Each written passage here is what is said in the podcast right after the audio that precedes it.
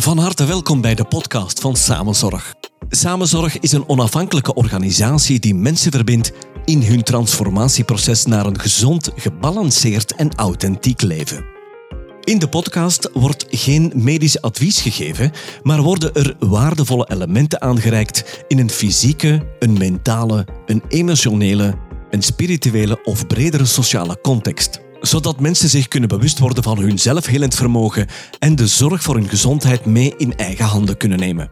In deze aflevering praten Else Dalemans en Luc Verbeek met Jutta Borms over haar overstap van traditionele naar holistische geneeskunde. Jutta legt uit hoe zij gezondheidsproblemen vanuit een breder perspectief benadert en hoe haar persoonlijke ervaring met burn-out leidde tot een zoektocht naar genezing zonder medicatie. Geniet van de vierde episode van de podcast van Samenzorg. Dag Else, goeiedag. Dag Luc, hallo. We hebben vandaag een bijzondere gast hier bij ons. Eentje waar we naar uitkeken, toch wel. Goedendag Jutta Borns. Dankjewel voor de uitnodiging. Dat is heel graag gedaan, maar wij hoorden van alle verhalen vertellen over jou. Vertel eens, wie ben je en wat doe je? Uh, mijn naam is Jutta Borms en ik ben holistisch arts. Ik ben eigenlijk klassiek geschoold arts, gespecialiseerd in holistische geneeskunde, ook yoga-teacher en meditatiebeoefenaar. Zeg je dat met enige trots dat je medisch arts bent? Ja, toch wel. Toch Ja? wel. Ja. Natuurlijk, van mijn opleiding klassieke geneeskunde schiet er niet zoveel meer over, terwijl dat wel natuurlijk de basis is. Maar ik ben eigenlijk vrij snel zo in de, in de alternatieve wereld terechtgekomen, laat ons zeggen.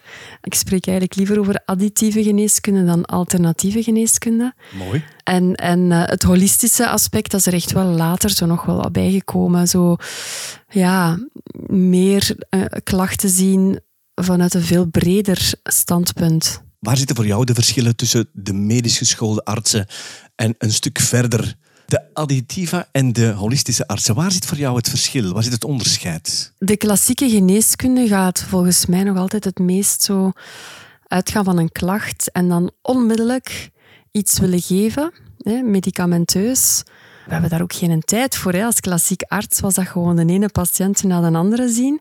Dus ja, dat, dat- is een heel ander uitgangspunt om, om naar klachten te gaan kijken. Dus ik, ik herinner mij dat ik begon met zo 10 minuten per patiënt. En dan dacht ik, nee, dat is te kort, 15 minuten. En dan werd dat een half uur. En nu, als ik nu kijk, dat is bijna ja, een uur, een uur en een half, voordat je echt een beeld hebt van de mens die voor u zit. Dus allee, het verschil met klassieke artsen of klassieke geneeskunde bij holistische geneeskunde is denk ik dat je veel breder kijkt en dat je, dat je echt een klacht gaat bekijken van verder af. En dus vooral ook naar de, ehm, de kern van iemand gaan kijken, de ziel van iemand. En waarom heeft iemand die klacht? Bijvoorbeeld elke keer opnieuw dezelfde klacht, is meestal omdat er ergens iets niet juist zit. En ja, je kunt natuurlijk die mensen ook alternatief gaan, gaan helpen. Dus dat je zegt, we geven geen klassiek middel meer, maar een alternatief middel. Maar uiteindelijk ja, doet je dan hetzelfde. Gaat je nog altijd symptomatisch eh, behandelen. En toen had ik wel zoiets van, ja, ik wil echt nog verder gaan. Zodanig dat mensen ook echt pilvrij kunnen worden. En dat is echt iets wat, ja, wat veel mensen... We gaan heel snel grijpen naar een dafalganneke, een perdolanneke, al die annekes. Maar als je, als je echt zo ja, kunt mensen inspireren om pilvrij te worden en te gaan kijken waarom dat ze hoofdpijn hebben of waarom dat ze buikpijn hebben, dat is wel echt voor mij de essentie van geneeskunst, mijn grote K.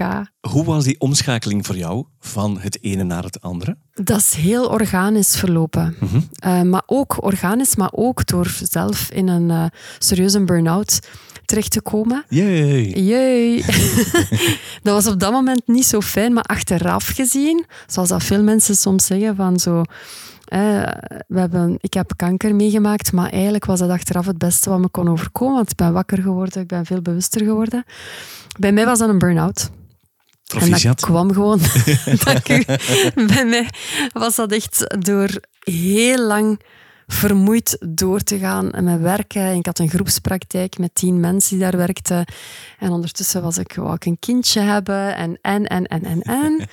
Ja, ik ben gewoon echt compleet gecrashed. Nadien ben ik eigenlijk zo mezelf ja, gaan, gaan zoeken van wat kan ik nu doen om, om terug gezond te worden zonder al die pillen die mij voorgeschreven werden. Zonder die Annekes. Zonder die Annekes en uh, wat hebben we daar nou allemaal? Rennikes. En, dat wordt zo snel genomen, hè? Mhm. al die medicatie. En, en, uh, en we staan er eigenlijk niet bij stil wat dat, dat uiteindelijk wel doet met iemand. En was het dan evident voor jou op dat moment om een andere weg te gaan bewandelen? Voor jezelf dan al Um, als pilvrij? Ja, ik, ik denk dat ik daar al veel langer mee bezig was, omdat ik zo heel in het begin van mijn carrière, laat ons maar zeggen, in contact gekomen was. Ook door een accident, een, een, eh, een auto-accident met een nek whiplash, ben ik toevallig in contact gekomen met een arts die daarmee bezig was. Die was met biopunctuur bezig, om dat dus ook al op een alternatieve manier nekklachten te gaan helen.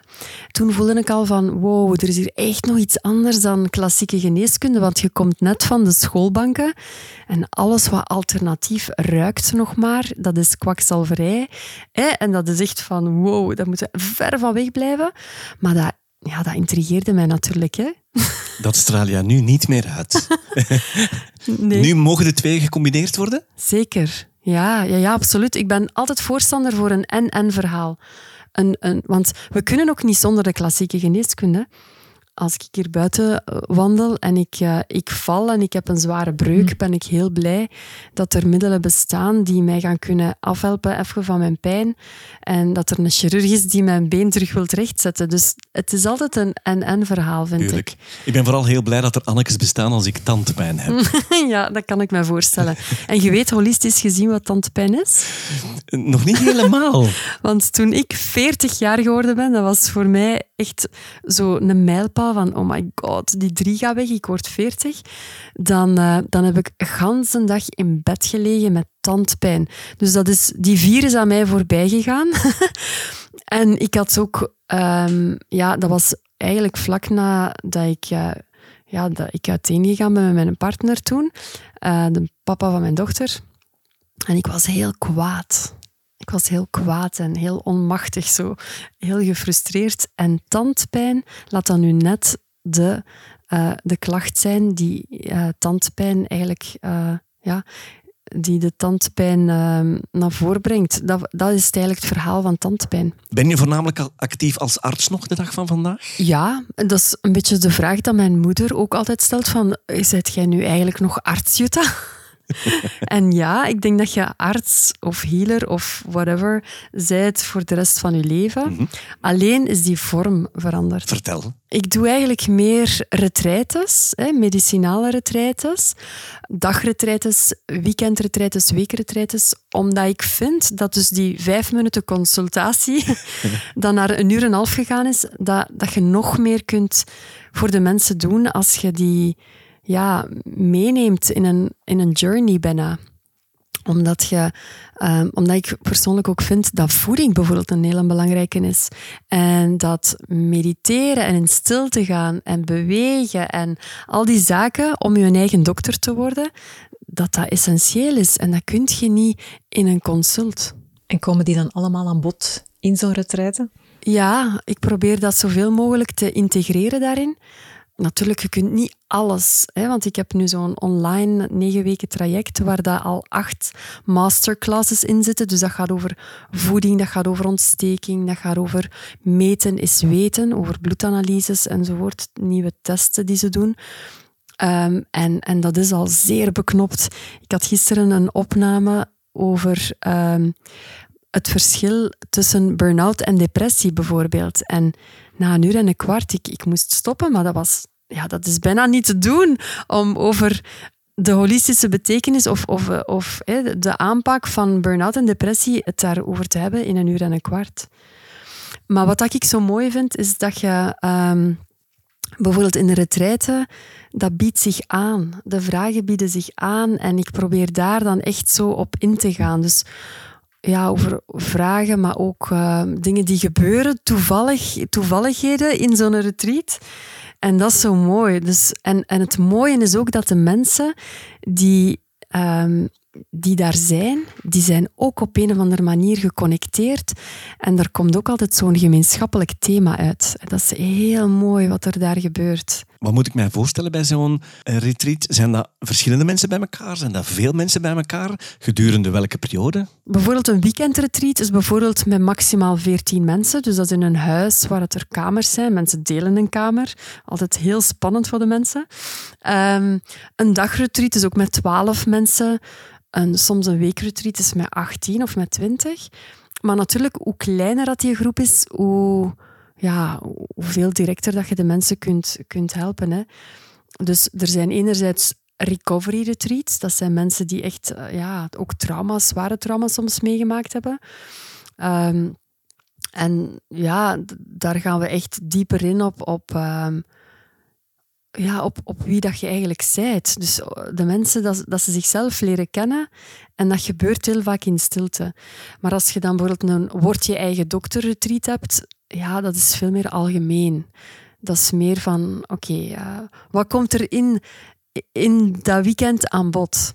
dat is niet zo specifiek echt traumatische gebeurtenissen bij iemand of zo. Dat is, dat is veel lichter. Maar dat krijg je wel in een weekend verteld. Ja, je kunt niet alles vertellen, hè, maar dat is het mooie aan zo'n weekend, dat uh, de mensen stellen zich in het begin wat voor aan elkaar en er komt er al een gemeenschappelijk thema uit, hè, zoals ik zei. Een rode draad.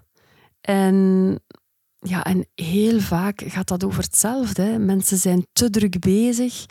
Ze zijn moe, ze zijn uitgeput, ze zijn uh, niet altijd met hun zielenmissie bezig. En, en daardoor ontstaan er gewoon ook klachten. Hè? Op zo'n retreat komen mensen daar naartoe met een heel specifieke vraag? Of gaat het eerder algemeen over ja, zich, zich wat willen ja, bijscholen, is misschien een vreemd woord, maar gewoon hun interesseveld verruimen? Um, kan je daar iets over zeggen? Ja, wel, ik probeer de retraites dan echt meer te zien als een soort integratie.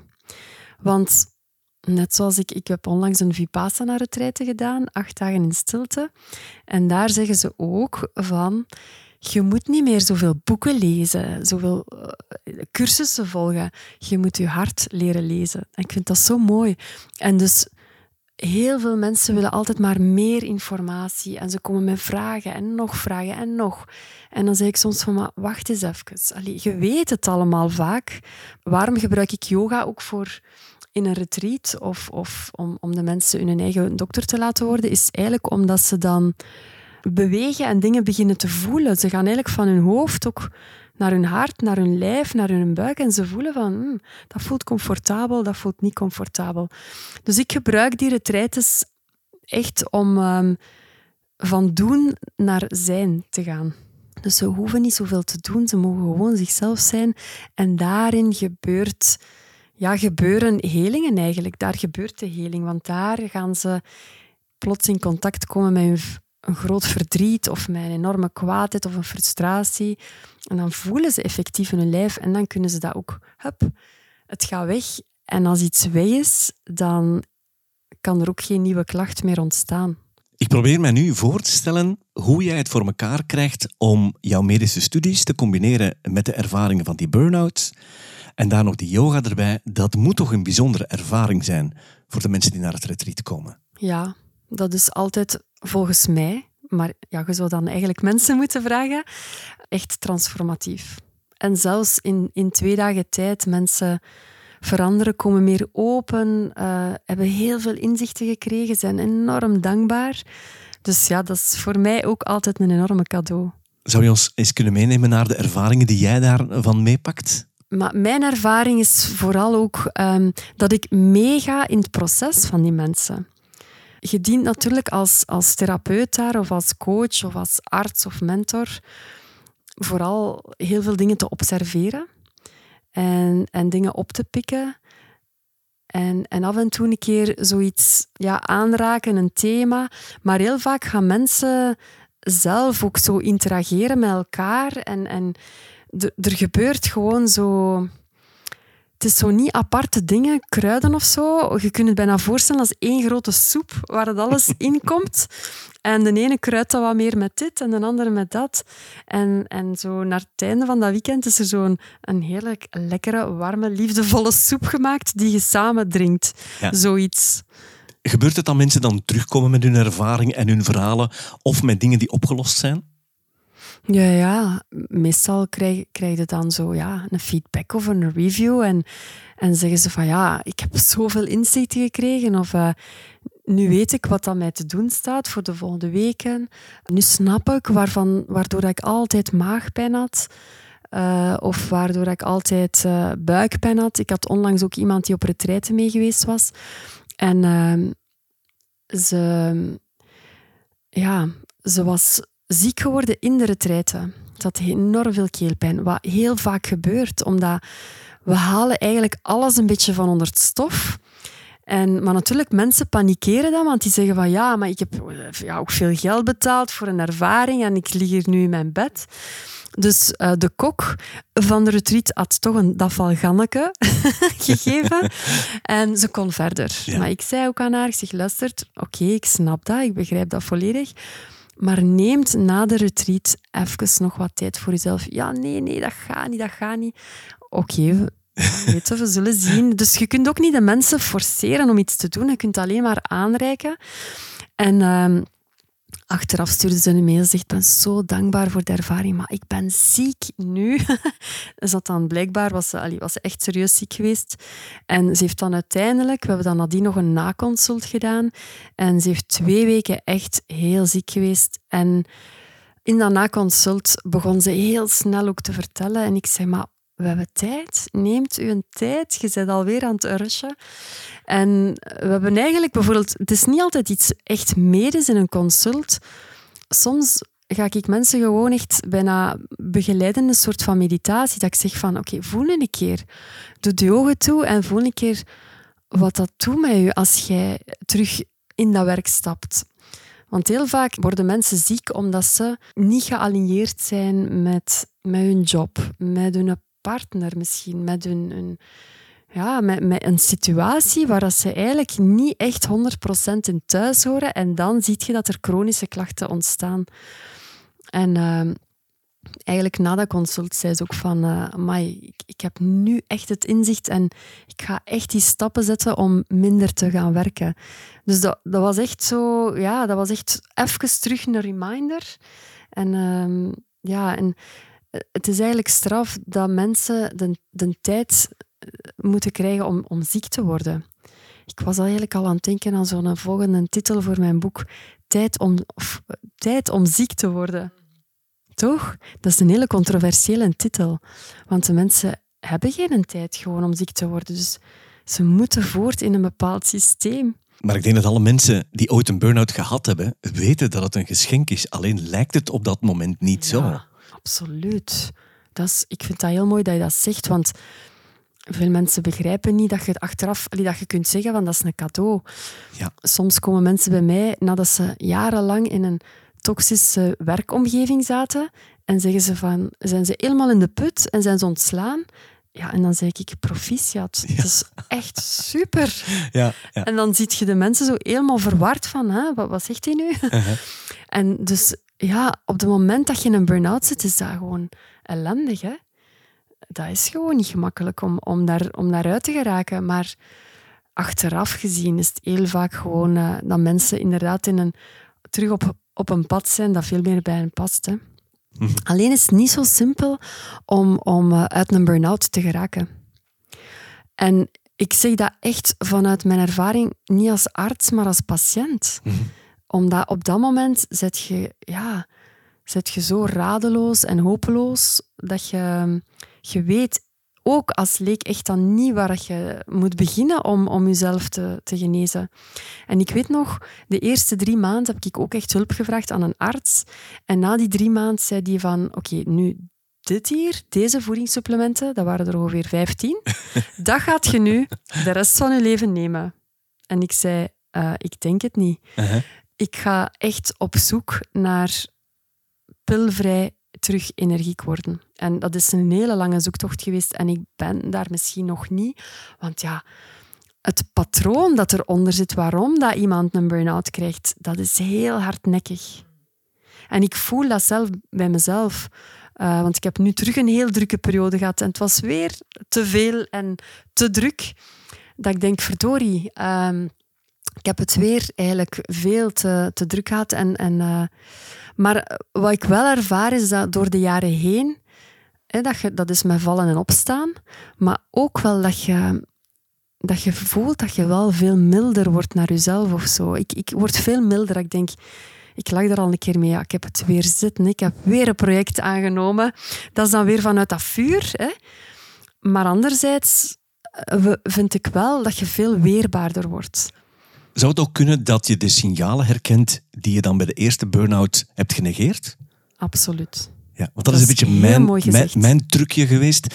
Ik heb zoveel signalen genegeerd dat ik, als ik nu ik in zo'n drukke periode terugzit, dat ik denk van ja, ik moet eens even op de rem gaan staan, maar ik ga dat geen drie maanden meer zeggen. Ik ga het nog drie dagen of een week zeggen. En dan luister ik ernaar. Want als ik dan nog drie maanden doorga, dan weet ik dat ze mij komen halen. Ik hoor zo graag wat jij zegt. die slingerbol die dan in huis terechtkomt en waarvan ik denk van, oh, waar komt die slingerbol vandaan? Ja, ik heb de kloppen op de deur niet gehoord. Hè. Zo vergelijk ik het dan. Ja, dat is echt heel mooi. Hè? Ja. En ik heb gelukkig een aantal leuke mensen om me heen die zeggen van, ja, maar dit heb je al te vaak gezegd dat je te veel aan het doen bent. En dan denk ik, ja, dat mag ik nu niet meer negeren. Maar wat is voor jou die essentie van die burn-out? Want uh, we mogen er even op doorgaan, denk ik. Zeker. Hè? Wat is voor jou de essentie van een burn-out? Voor de mensen die het nog niet gehad hebben, die dat geschenk nog niet hebben gekregen. Ja, want er is natuurlijk een heel lange periode voorafgaand aan een burn-out. Hè. De mhm. burn-out heb je ook nog eens in verschillende fasen. Een eerste fase, tweede, derde en dan heb je de crash. Dat wens ik niemand toe, die crash. Dat heb ik wel zelf gehad. En voor mij was dat blijkbaar nodig om echt wakker te worden. Hoe kan je holistisch kijken naar een burn-out? Och, ik kan daar eigenlijk veel over zeggen. Dus ik, ik ga mij beperken tot um, te zeggen dat dat eigenlijk de ziekte is van het escapisme. Dus dat is echt vluchtgedrag. En wat is vluchtgedrag? Is ook um, zoals je uh, de fight-flight reaction hebt. Hè? Is dat, dus mensen gaan of vechten, ze blijven maar strijden, of ze gaan vluchten. Uh, en dat is echt puur in overleving gaan. En heel vaak zitten mensen heel lang in die overleving het is bijna een patroon geworden om, uh, om niet meer te leven en niet meer die joy en die, die levensvreugde toe te laten. Dus het is meestal vluchten van iets of iemand of een gebeurtenis dat niet echt gealigneerd is met uw, uh, met uw verlangens, met uw intenties, met uw waarden, met uw behoeftes. Ik probeer de link te leggen, hè, Jutta, omdat ik de link nog niet zie tussen iemand die veel te veel uren werkt en toch op een of andere manier probeert te vluchten. Waarvan vlucht je dan? Van je eigen essentie, van wie dat je bent. Ah, Want ik geloof ook heel sterk dat bepaalde zielen hier in de wereld, die hoogsensitief zijn, uh, dat is iets wat ik nu vandaag de dag denk, misschien gaat dat nog veranderen, ja, iedereen, is, iedereen heeft heel veel licht en liefde in zich, maar sommige mensen hebben een heel hoge frequentie en zitten op een bepaald bewustzijnsniveau. Ik spreek niet zo graag over niveau, want dat gaat, we gaan dan ons vergelijken met die is het hoger en die en ja, dit. Hè. Um, dus ik zeg altijd, er is een bewustzijnswolk. En die wolken zijn naast elkaar en soms wat verder van elkaar en soms wat dichter van elkaar. Ja, mooi. Ik denk dat die zielen net bestemd zijn om iets te doen zoals jij, jullie hier bijvoorbeeld doen, namelijk de mensen inspireren. En dat is ook een job. Ja. En of, of mensen die healings doen door massage of door klankschalen of door poëzie of door muziek. En, en, en dat wordt net krachtiger als je uh, vertraagt of meer in stilte gaat, dan dat je rust door het leven denk ik. Dus als je op de foute wolk te lang blijft zitten, dan gaat jouw ziel een signaal geven? Ik denk dat je het zo mag, zeggen, ja. dus ik vind een hele mooie metafoor. Ja, mooi, mooi ook hoe dat je het uiteindelijk als besluit uh, gezegd hebt. ik ben ervaringsdeskundige. ik ook. ik denk dat ik ook in de laatste fase, namelijk het licht uitdoen, heb gestaan. Ja, ik wist eigenlijk mijn eigen naam niet meer als ik bij de dokter kwam. Dus uh, de mond ging open, maar er kwam geen geluid meer uit en het verstand was helemaal uitgeschakeld. Ja, dat is echt al... Vreemd, hè? Dat is echt al ver, hè. Bij mij was het gewoon, ik kon mijn, mijn arm niet meer opheffen zelfs. Dat ik dacht, hoe heb ik het zo ver laten komen? Ja. En wij zitten hier nu te zeggen dat dat een geschenk is. Ja, het is heel moeilijk, hè. Maar ik zie alles, elke klacht zie ik als een kans of een, een, een uitnodiging om meer en meer te zien wie dat je zelf bent. En natuurlijk is dat niet gemakkelijk om dat als een geschenk te zien. Ik denk echt als je anders gaat kijken naar uh, ziekte of een klacht of iets wat je meemaakt, dat het ook gemakkelijker wordt in je leven. En, en al de rest, wat moeilijk is, is meer ego en identiteit. Hè? Dan, dan dat je echt in die, die ruimtelijkheid zit, die, die pure essentie, die pure energie. Uh, daar is niet zozeer ego meer aan opgeplakt of zo. Misschien ook omdat het vertrouwen geeft. Hè? Dan naarmate dat je ervaart zelf dat een ziekte jou iets zegt, hè, dat, het, dat het vertrouwen geeft. Hè? Van als ik het aankijk, dan lost de klacht zich op. Ja, en dat je dan op die manier misschien vaker ook durft om, om dingen ook sneller te gaan aankijken. Ja. ja. Ik zeg ook altijd aan de mensen zo, het is om bewustzijn, meer bewustzijn te krijgen, is het vaak tijd of pijn. Dus de tijd is wat jij nu over spreekt van, ja, we hebben al verschillende dingen meegemaakt hè, en we hebben ook gezien van, um, alles is voorbijgaand. Hè. Alles komt en gaat. Dat is ook met klachten. Ja, dat is even heel erg en dan is dat weer weg zo. En dus dat is de tijd. Mensen met ouder worden gaan ook wijzer worden. Hè. Ehm, zeker als ik dat voor mezelf bekijk, zo 20, 25 jaar geleden of nu. Maar ook pijn. Pijn leert u ook veel iets. En een burn-out is echt ook een pijnverhaal. Hè. Allee, we spreken daar nu over met een glimlach, maar dat is echt een heel moeilijke periode geweest, toch? En ik denk, door die moeilijke periode is er meer bewustzijn gekomen en meer, meer zachtheid ook. Meer liefde voor, voor uzelf, voor uw eigen echte pure essentie. Ja, je kan er dan niet meer omheen. Dat was mijn conclusie eigenlijk. Je stelt zoveel dingen uit en dan op dat moment moet je het doen. Ja, je, kan, je kan niet meer zeggen, ah, ik heb nu geen tijd om tijd te nemen, want je ligt gewoon plat. Absoluut. En ook al word je dan op het bedrijf waar je dat op dat moment eigenlijk buiten gekegeld, ja, zo so be it. Hè? Ja. Ja, ja. En verontschuldigen helpt dat niet meer, want ze willen jou niet meer, omdat, ze, omdat die in hun ogen nog altijd die zwakkeling ben. Wat ik trouwens vroeger ook dacht van mensen die een burn-out kregen. Ik heb daar een hele grote bocht gemaakt. Heel want het, over, het overkwam mij. Ja, want het is uiteindelijk, het zijn meestal de echt sterke mensen die een burn-out krijgen. De perfectionisten ook? Absoluut, perfectionistisch zijn. Uh, en ook, zoals jij zegt, hè, het uitstelgedrag is ook heel typisch voor burn-out. Hè. Blijven gaan. Hè. Maar uitstellen is ook eigenlijk weer vluchten. Hè. Dus dat is ook weer dat escapisme. Ja. Want je vlucht weg van iets uh, omdat er een angst zit. En, en heel vaak is dat ook een patroon. Mm -hmm. Dat uitstellen. Is dat dan vooral jouw weg nu? Van mensen um, terug in contact te brengen met hun essentie, omdat je zegt van het gaat over escapisme van het wegvluchten van de eigen essentie.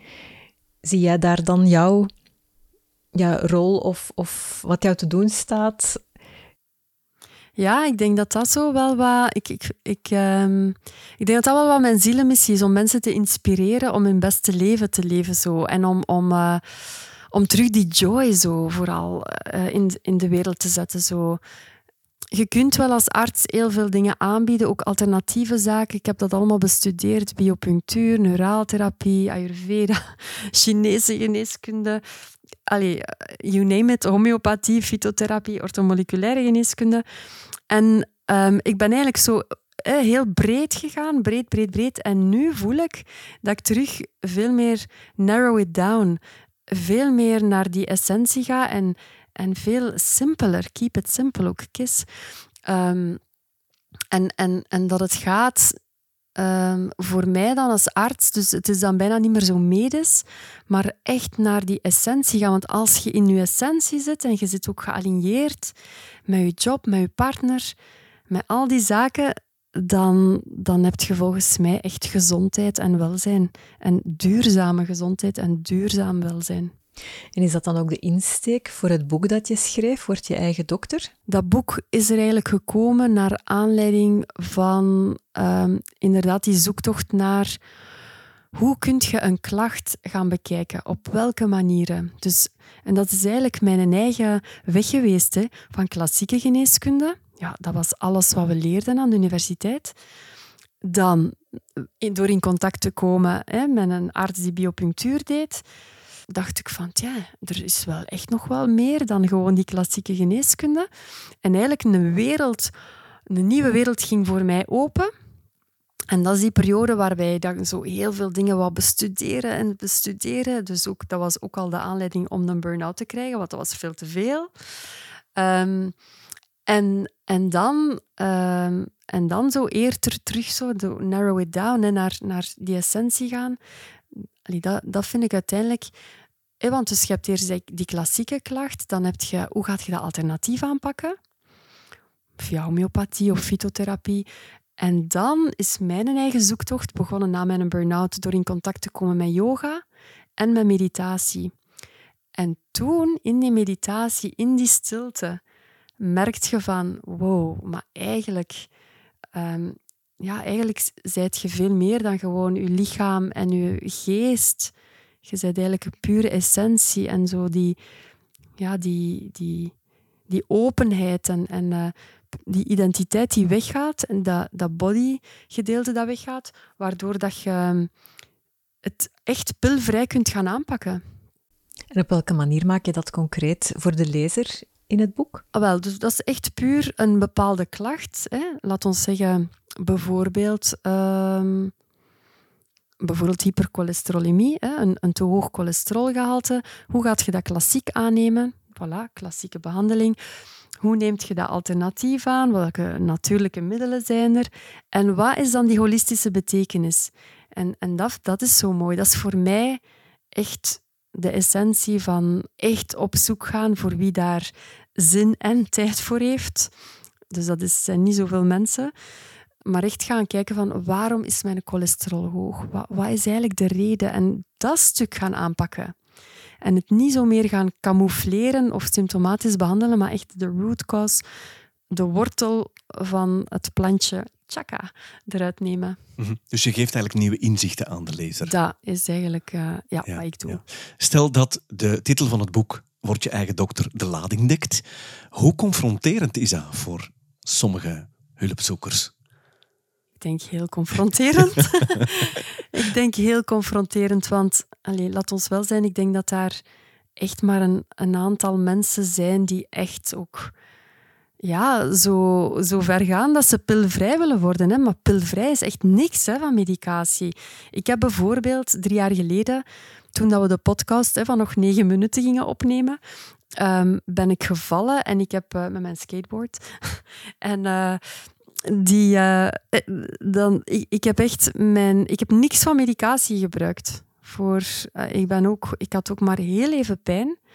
Want ik denk ook, als je dus al pilvrij bent, dat pijn dan even gewoon in het moment ontstaat, mhm. maar je hebt minder, um, volgens mij minder kans om chronisch lang pijn te hebben. Want dat is even in het moment klak, die pees is af. En, en dan heb je wel pijn. Je hebt die hydrops, je hebt die knie die, die dik is. En wat leerde mij dat? Ja, één, een knie die blokkeert of iets met een knie is altijd stop echt stop, je bent te veel bezig. Dat was dus effectief ook weer. Ik was weer te veel bezig eh, aan het doen. Hè. En een hydrops, wat is hydrops? Of een, een zwelling of een vochtcollectie. Uh, was vocht in de holistische geneeskunde? Dat zijn tranen. Dus of dat dan nu in je knie zit, of in je buik, of onder je ogen, dat is eigenlijk verdriet dat vastzit. En zo ben ik daar gaan naar kijken. En er is dan ook echt wel in die pijn waar je dan echt ingaat, daar is echt wel een, een verdriet naar boven gekomen. En zo werkt dat eigenlijk. Dat werkt echt helend. Maar zoals dat je zegt, hoeveel mensen doen dat? Dat is heel confronterend. En weinig mensen hebben de tijd ervoor, of nemen de tijd, of kunnen de tijd nemen hè, om, dat, om daar naartoe te gaan. Het vraagt ook behoorlijk veel inzicht om dat te kunnen. Hè? Heel veel mensen geraken geconfronteerd door het boek. Ik ga ervan uit dat dat dan in lagen is voor de mensen die al een stukje bewustzijn hebben. Dat het ook moet dienen voor de mensen die helemaal geen bewustzijn hebben en het daar dan heel moeilijk mee hebben. Maar hoe je het of draait of keert, we zijn allemaal naar hier gekomen om te groeien. Zo zie jij dat. Maar niet veel mensen zien dat op die manier. Oké. Oké. Ik vind dat heel mooi dat je dat zegt, want inderdaad, alles gaat over groeien en, en uh, als, als ziel en, en, en ja, gewoon dat is ook in de yoga, zeggen ze, dat is de ananda, hè? De, de verlichting is altijd maar lichter worden. Maar niet veel mensen zien een, een leven als een groeiproces. Ik eh, stel heel vaak de stoute vraag aan een veertiger of een vijftiger. Ben jij dezelfde persoon als twintig jaar geleden? En iedereen zegt nee. En, waarom is dat een stoute vraag? Omdat het een vraag is die niemand ziet aankomen en een vraag die ze waarschijnlijk zichzelf nog nooit gesteld hebben. Maar als je op die twintig jaar veranderd bent of gegroeid bent, ja, dan is er groei geweest. Hoe dan ook. Of je het nu wil of niet, of je er nu bewust van bent of niet. Daar is een weg afgelegd. Al wat is het maar, in mijn geval de belangrijkste weg was vader worden.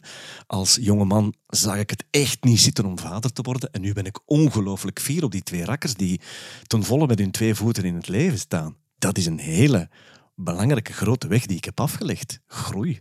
Ja, supermooi. Supermooi. Ja, ik ben echt enorm veranderd. Kijk. Tegen twintig jaar geleden. Allemaal dankzij die burn-out. ja, uh, niet alleen een burn-out. Ik heb uh, heel veel uh, watertjes doorzwommen ja, al. Er waren nog andere slingerbollen die in jouw huis ja, ja, zeker, zeker. Okay. Is jouw boek in zekere zin vergelijkbaar met die van Christiane Beerland destijds? De sleutel tot zelfbevrijding?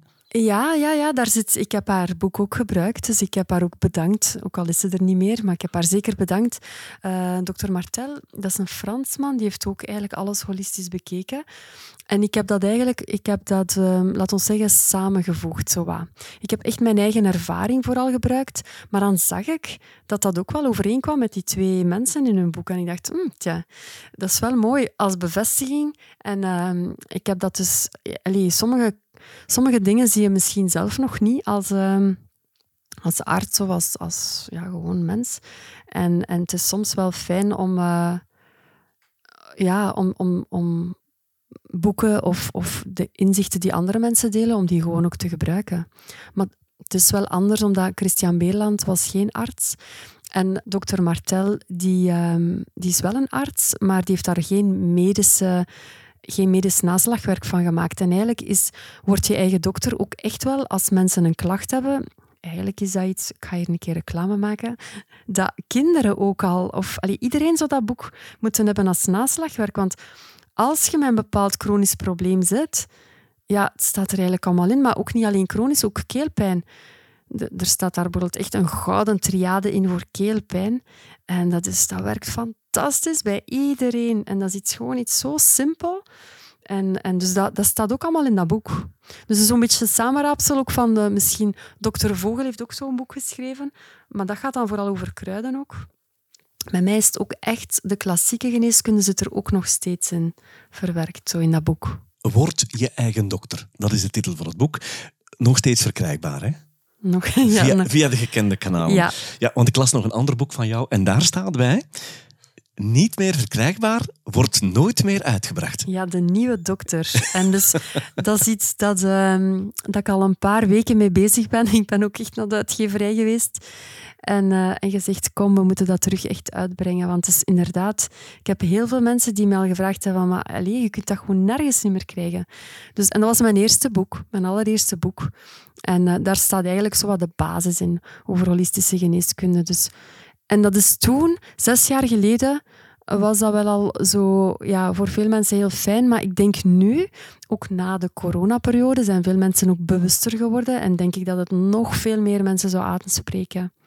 Dus we gaan ervoor, ze. we gaan dat terug uitbrengen. Dat zijn niet jouw enige twee boeken, je hebt er nog eentje. Ja, na de crash. Dat was echt het boek over burn-out. Een naslagwerk van mijzelf als, als patiënt en als arts. Dus wel uh, een hele zoektocht geweest. Want ik, ik, ik krijg vaak ja, heel lieve berichten van mensen die zeggen van oh, ik ben zo dankbaar dat dat boek er is. Uh, want het heeft mij zoveel gebracht al. Want ja, uiteindelijk, ik heb het echt zelf allemaal moeten gaan, gaan opzoeken. Uh, meestal in Amerikaanse boeken over geneeskunde. Want in België was er eigenlijk ja, quasi, daar bestond niks over. Hè nu is dat meer en meer zo. Je hebt ook de burn-out coach en er staat, er staat veel meer over burn-out. Maar toen, in, allee, twee, drie jaar geleden, was dat eigenlijk niet. Jij mocht daar echt een weg banen. Ja, ik, ik denk altijd dat ik zo'n beetje pionier geweest ben. Dus echt niet simpel geweest, want ja, je wordt als, um, als arts heel vaak ook... Ja, ik ben echt als arts ook vaak ja, geridiculiseerd ook, hè, soms. Ehm, maar ik, ik geloofde heel sterk in, in, uh, in mijn missie om, om de mensen echt uh, te zeggen van je kunt echt um, ja, jezelf gaan helen. En daardoor is dan natuurlijk die wordt je eigen dokter gekomen. En ik denk dat dat een beetje zo... Ja, ik durf niet zeggen eindfase, want ik heb nog heel veel boeken in mijn hoofd. uh, maar toch, ja, dat is uiteindelijk waar, waar dat het over gaat. Dat je naar die essentie gaat van het ziek zijn. Wie zou volgens jou na de crash moeten lezen? Ik denk alle mensen die echt vermoeid zijn. Uh, want tegenwoordig spreek je ook over burn-on. Ik weet niet of je daarvan gehoord hebt. Dat was Nee. gisteren voor het eerst uh, in mijn masterclass iemand die dat vroeg. En ik ben dat dan nadien gaan opzoeken. Burn-on is eigenlijk dat je blijft, blijft, blijft doorgaan, maar die crash blijft uit. Ja. En ik had zoiets van, wow, goed dat die crash uitblijft, maar ook niet goed misschien. Hè? Ja. Dus je blijft constant aanstaan. Ja. Burn on, je blijft branden. Voilà, ja. Dus uh, hoe lang kunnen mensen dat volhouden, denk ik dan ook. Hè? Lang, hè? To- toch een tijd, ja. Ja, want het is zo dat als je moe bent, dus dat is het eerste symptoom van burn-out, vermoeidheid, echt uitgeput zijn. Als we echt eerlijk zijn, hoe lang waren we al moe voor die bewuste crash? In mijn geval zeven, acht maanden dat ik het zover kon teruggaan. Maar wie is er niet moe? Hè? Want je gaat toch niet de zwakkeling uithangen? Iedereen is al wel eens moe, is dan het excuus. Maar je blijft doorgaan en nog een nieuw project. En dit is afgewerkt, maar dit moet ik er echt doorkrijgen. Je hoort mij al drammen, hè?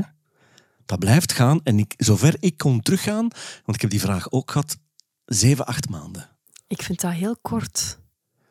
Dat ik het wist, dat ik er mij van bewust was, dat ik Aha. tegen de mensen rondom mij begon te zeggen, ik ben moe. En na de burn-out kwamen ze mij allemaal vertellen van ja, we hebben het zo vaak gezegd dat je moe was en je deed er niks aan. Ja, dat is waar. Ja. Dat is waar. Daar kon ik niks tegen inbrengen. Ja, want ik denk, als ik heel eerlijk ben, dat ik al zo vijf, zes, zeven jaar ervoor echt al moe was. En dat hoort je heel vaak ook van andere mensen. En waarom zeg ik dat? Omdat het herstel dient je maal anderhalf te doen. Dus als jij vijf jaar echt heel moe waart, dan dient je bijna zeven en een half jaar herstel te rekenen. Iets wat heel weinig mensen weten. En je kunt wel terug functioneren, maar echt diepgaand herstel, ja, dat, dat heb ik zelf maar ondervonden in die stilte bijvoorbeeld. Dan vrees ik dat ik nog niet helemaal hersteld ben. Want ik heb af en toe het gevoel van als ik er nu niet oplet, kom ik er terug in terecht. Maar ik vind het wel oké zo, want voor mij werkt het nu als een knipperlicht. Ja, ik ben blij dat je dat zegt, want ehm, heel veel mensen hebben een burn-out, recidief, burn-out, recidief, recidief. Ja. En dat komt omdat dat ehm, echt dieperliggend patroon niet echt is aangepakt. En ofwel is aangepakt, maar niet in de diepte echt ehm, naar waarde geschat, zou ik het durven zeggen.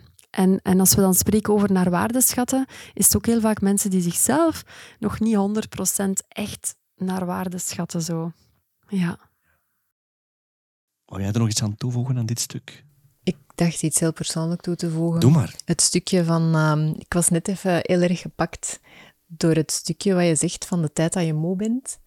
Om dan de hersteltijd te kennen, mag je het maal anderhalf doen. En, eh, maar dat is te emotioneel om het op te nemen. Allee, Oh, maar dat- Oké. juist mooi. Ja. ik heb het gevoel dat ik zo even negen jaar voor mezelf nodig gehad heb.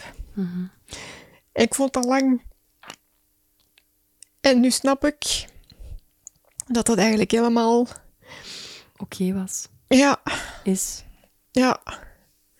Dus dat pakt me wel. En ik Mooi. bedoel, ik herken dat stukje, want ik was inderdaad ook al heel lang moe voor heel veel slapen overdag en heel... En, eh, en ik heb nu zo sinds een jaar het gevoel van dat dat allemaal... eh, en soms vond ik dat dat wel lang geduurd heeft en zo. Het, het pakte mij gewoon de ontroering van... Ja, ah, het is helemaal oké qua timing, je moet niet... ehm, Ja. En dat is iets dat heel veel mensen raakt, dus je bent daar zeker niet enig in. Omdat, dat, omdat we niet die... We, we krijgen die een tijd gewoon niet. Hè? Niet van onze omgeving, niet van onze werkgever, niet van onszelf. Het stukje waarin dat mij pakt is de erkenning. Hm. Ehm, want ik heb die tijd echt genomen tegen alle maatschappelijke... Ja, ik er kou van. tegen alle maatschappelijke ja, van, van hoe het moet gaan. Hè. Ja, maar dat is... Halftijds werken, ook al leef je van, je van dat ene inkomen met kinderen die studeren, toch die beslissing nemen om. Dus dat, dat is het stukje dat mij, dat mij nu heel erg pakte. Zo, de erkenning van, van die keuzes die, uh, die nodig geweest zijn en nog altijd. Want ja, het is niet dat ik nu terug uh, in, in oude patronen ga vervallen of zo. Ja, ik vind het dus heel dat, mooi uh, dat je dat deelt. Weten dat je ondertussen een auteur bent die een reeks aan het schrijven is en al flink wat boeken hebt geschreven. Hè? Ja. ja. Ja, dus dank je wel voor je hersteltijd om die te vermelden. Ik wil een foto maken voor de luisteraar, omdat wij hier met drie ervaren burn-outers zitten, die dan de intentie hebben om iets inspiratief de wereld in te sturen. Daar ben ik wel heel even dankbaar voor dat wij dit mogen doen nu. Maar toch hebben wij geleerd, en dat zit diep in onze conditioneringen, zoals Else nu, heeft het heel moeilijk. En wij hebben geleerd, ja, maar we mogen dat niet doen, we moeten sterk zijn, we zijn in een opname. Ik vind het mooi dat je het laat gebeuren, Else. Dank u wel. Ik vind het ook prachtig. En ik vind het ook heel mooi dat je zegt conditionering, want dat is het. Het is gewoon iets, een conditionering, een patroon, ja. dat daar zit. Hè? Daaraan kunnen we ook zien dat we als mens in deze moeilijke en zware tijden soms toch, in vergelijking met onze voorouders, toch een heel groot deel van die collectieve conditioneringen aan het oplossen zijn.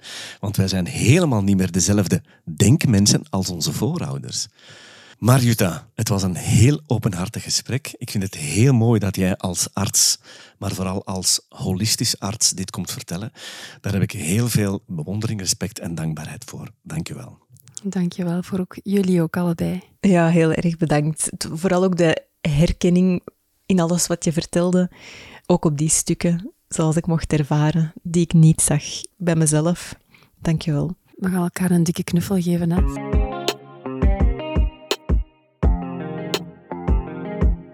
Wil je meer afleveringen van Samenzorg beluisteren? Abonneer je dan gratis bij je favoriete podcastplayer. Om op de hoogte te blijven van de activiteiten van Samenzorg kan je online inschrijven voor de nieuwsbrief op onze website samenzorg.nu. Daar kan je ook lid worden om ons te steunen. En vind je alle info over onze zorgverleners, inloophuizen en geplande activiteiten. Op het Samenzorg Verbind kanaal op Telegram staan activiteiten van de leden van Samenzorg. Daar kan je ook als ervaringsdeskundige of zorgvrager je verhaal delen. Heb je vragen? Volg Samenzorg VZW op Facebook of Instagram. samenzorg.nu Vind je de podcast nuttig? Deel hem dan op je social media kanalen. Want hoe meer mensen er naar luisteren, hoe meer we kunnen verbinden, hoe meer we kunnen helpen. In een volgende aflevering van Samenzorg praten we met Bart Bolle en de Script-Ass-methode. Een kleurrijke en holistische reis naar innerlijke transformatie en emotionele bevrijding.